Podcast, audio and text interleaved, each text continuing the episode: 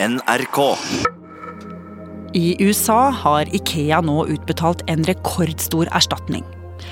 Det gjorde de fordi en kommode hadde veltet og falt oppå en to år gammel gutt som døde. Joseph Dudek, who was killed when a dresser fell on him in 2017. Men denne tragiske ulykken kunne trolig vært unngått hvis kommoden hadde vært satt opp sånn som det sto i bruksanvisningen. Likevel fikk foreldrene erstatning. Hvorfor er det sånn at man i USA kan ende opp som mangemillionær etter en ulykke som langt på vei kan virke selvforskyldt?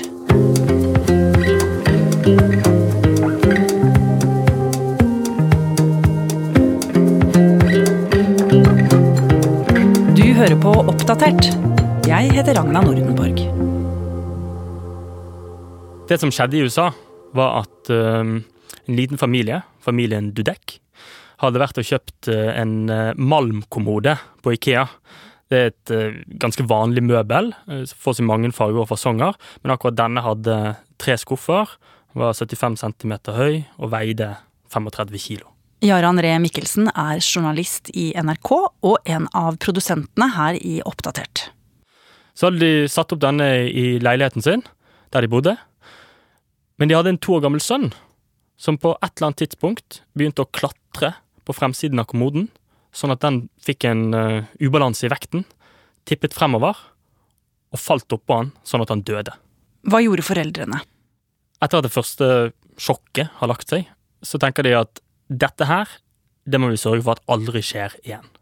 Så de kontakter en advokat, sammen saksøker de Ikea. The lawsuits claim IKEA knew the furniture lacked counterbalancing weight, causing the dresser to be top heavy and front heavy, something IKEA denied. Det blir ikke noe rettssak, men de inngår et forlik.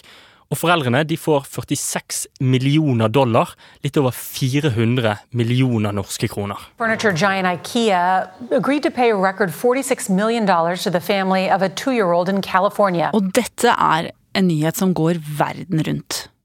Ja, og det er jo fordi at beløpet er så stort, men også fordi at det som har skjedd, selv om det er tragisk, kunne vært unngått hvis foreldrene bare hadde gjort som det sto i bruksanvisningen, og sikret kommoden til veggen, sånn at den ikke kunne tippe over barnet.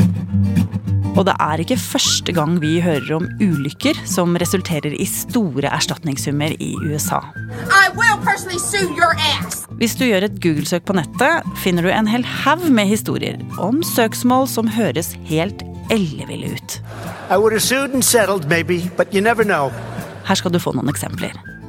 Du har damen som fikk feilbehandling hos en lege, som valgte å saksøke telefonkatalogen, hvor hun hadde funnet legens telefonnummer. Du har bestemoren som saksøkte et tivoli fordi spøkelseshuset var for skummelt.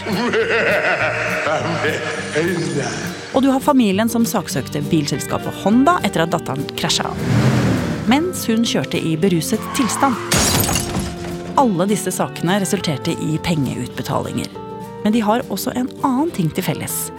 Nemlig at de er blitt gjenfortalt på nytt og på nytt og på nytt og på nytt helt til nyansene i historiene er visket vekk. Og det beste eksempelet på det er historien om Stella Libekk og kaffekoppen hennes.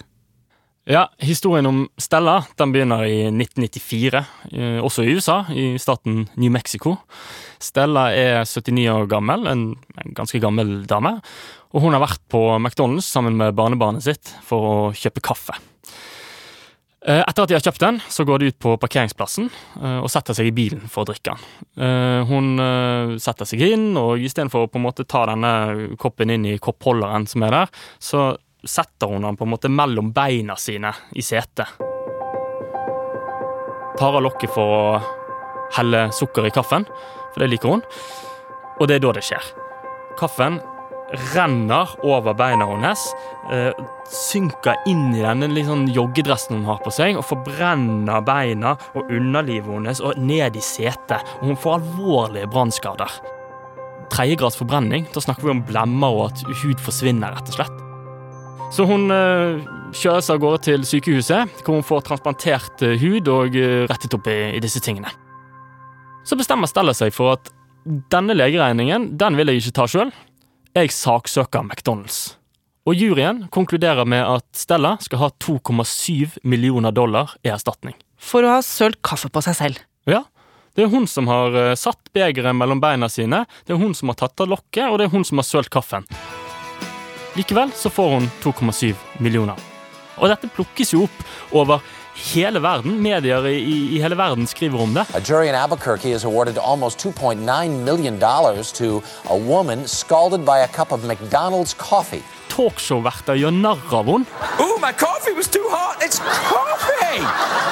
Til og med Seinfeld lager en episode om dette her. We got a chance. Do we have a chance? You get me one coffee drinker on that jury, you gonna walk out of there a rich man. Og Stella blir hengt ut som damen som snøt det amerikanske rettsvesenet.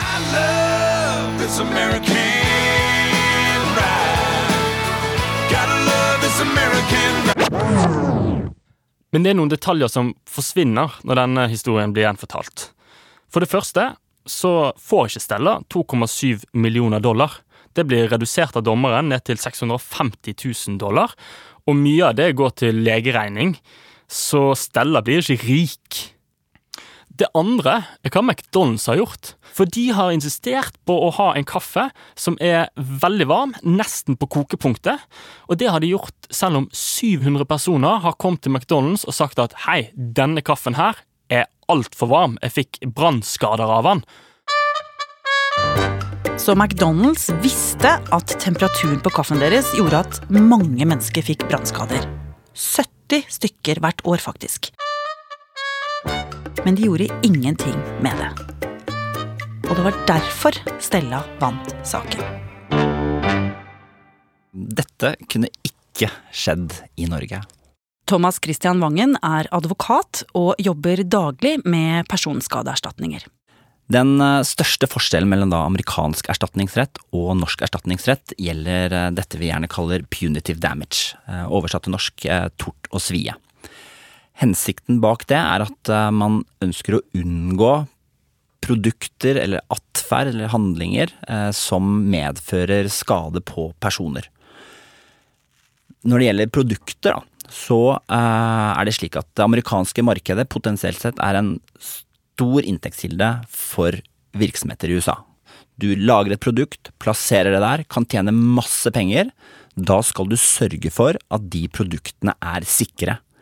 Dersom du ikke gjør det, så er det domstolen eller samfunnet som gir deg en pisk over eh, hånda i form av å ilegge deg en, en, en, et uh, At du må betale et økonomisk beløp av en viss størrelse til de som har blitt skada. Det en, skal anses som en straff, nærmest. For, og hensikten er å sørge for at man enten lager bedre produkter, endrer atferd osv. Og, og da må det beløpet være stort? Ja. Skal dette ha noe hensikt, så må beløpet være en sånn størrelse at det avskrekker virksomheter fra å fortsette å lage usikre produkter. Hvordan er dette forskjellig fra Norge? Hvis en person i Norge skulle få et Ikea-skap over seg, eller brenne seg på varm kaffe, eller en patron skulle eksplodere på en eh, limpistol, så kan man selvsagt velge å saksøke virksomheten, eh, prøve å få en erstatning i f.eks. Produkt, etter produktansvarsloven, men vi ser at det er kjempevanskelig. Det, det skal mye til for å eh, få erstatning for at det er gæren, noe gærent med produkter eh, i Norge. Og hvis man kommer dit, så får man erstatning for utgifter, inntektstap. Og vi har vel egentlig ikke klart å finne noen veldig gode eksempler på uh, i nyere tid på at man får det som heter oppreisningserstatning. Mm. Men det er vel noen som prøver seg på dette i Norge også? Ja, det er et Eh, relativt uh, nylig eksempel fra Høyesterett. Uh, denne såkalte spinning-saken. Hvor det var en dame som var på treningssenteret og hadde spinning-time.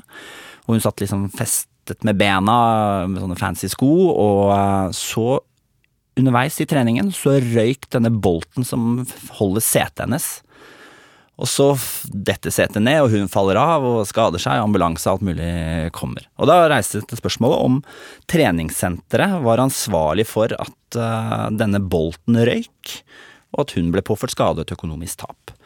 Uh, den saken gikk da helt til Høyesterett. I lagmannsretten så vant hun fram, men i Høyesterett så markerer dommerne at det er en høy list for å vinne fram i den type saker. Det å sitte på en sykkel på et treningssenter anså Høyesterett som å være innenfor den risikosfæren som eh, man må akseptere. Ok, så hun kommer ingen vei i Norge. Men hvis det hadde skjedd henne i USA, hva da? Hun kunne fått eh, en betydelig høyere erstatning i USA dersom man hadde klart å bevise at eh, dette treningssenteret eller en kjede f.eks. gjentatte ganger hadde ignorert denne type hendelser, ikke fulgt eh, vedlikeholdsplaner osv., så, videre, så ville hun kunne fått en erstatning for det som kalles punitive damage. Men la oss gå tilbake til denne saken med Ikea-malmkommoden i USA. Jaran, hva mer vet du om hva som skjedde? Nei, Det er jo litt sånn som Thomas sier her. ikke sant? Ikea er en stor eh, kjede, og de har eh, mange butikker og selger mange eh, møbler. Og det viste seg jo at advokatene til familien, Dudek, begynte å se på hvor vanlig dette var. Ehm, de fant ut at eh, dette er jo ikke første gang det har skjedd, det hadde skjedd eh, to år tidligere. Eh, da hadde tre barn dødd av samme type kommode som hadde veltet, og foreldrene hadde gått sammen og, og saksøkt Ikea, og også fått masse penger i erstatning. Og Ikea eh, reagerte jo selvfølgelig veldig alvorlig på dette. De trakk tilbake 27 millioner eh, kommoder fra markedet. Eh, lanserte masse sånne informasjonsvideoer om at du er nødt til å passe på at møblene dine er sikret, hvis ikke kan de falle og skade barn. Og de donerte også masse penger å, til organisasjoner som jobber med, med skadede barn og, og møbelsikring. Så Ikea har jo forsøkt å rydde opp etter seg, da. Altså, de har trukket tilbake kommoden fra markedet, og de har jo betalt ut gigantsummer til foreldre som har mista barna sine. Men Thomas Christian Wangen, du som er advokat, hvorfor havner ikke disse sakene i en rettssal i USA, men på advokatkontorer der de blir enige seg imellom partene? Det er mange grunner bak det, men for det første vil jeg tenke at Ikea ikke vil ha mye negativ publisitet, negativ omtale om denne saken og sine produkter. Så er det slik at uh, en rettslig prosess vil jo kunne gi innsyn i en del uh, dokumenter som kanskje ikke produsenten ønsker. Det er vitneførsel osv. Det kan komme fram opplysninger som uh, de ikke ønsker at omverdenen skal kjenne til.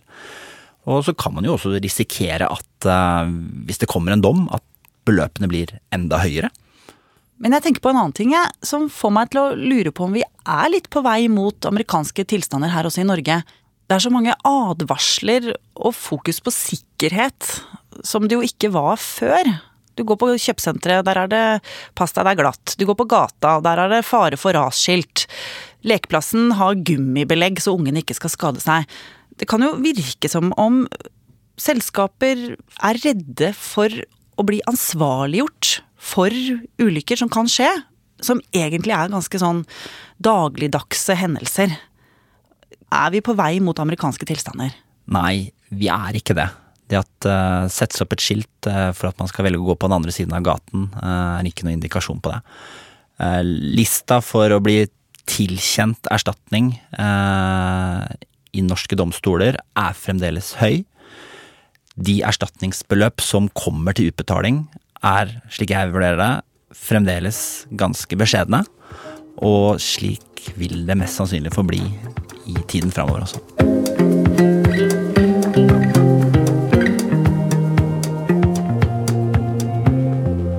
Oppdatert lages av Katrine Nybø, Jaran Ree Mikkelsen, Ida Tune Øretsland, Petter Sommer og meg, Ragna Nordenborg. Vil du kontakte oss, gjør det på oppdatert krøllalfa nrk.no.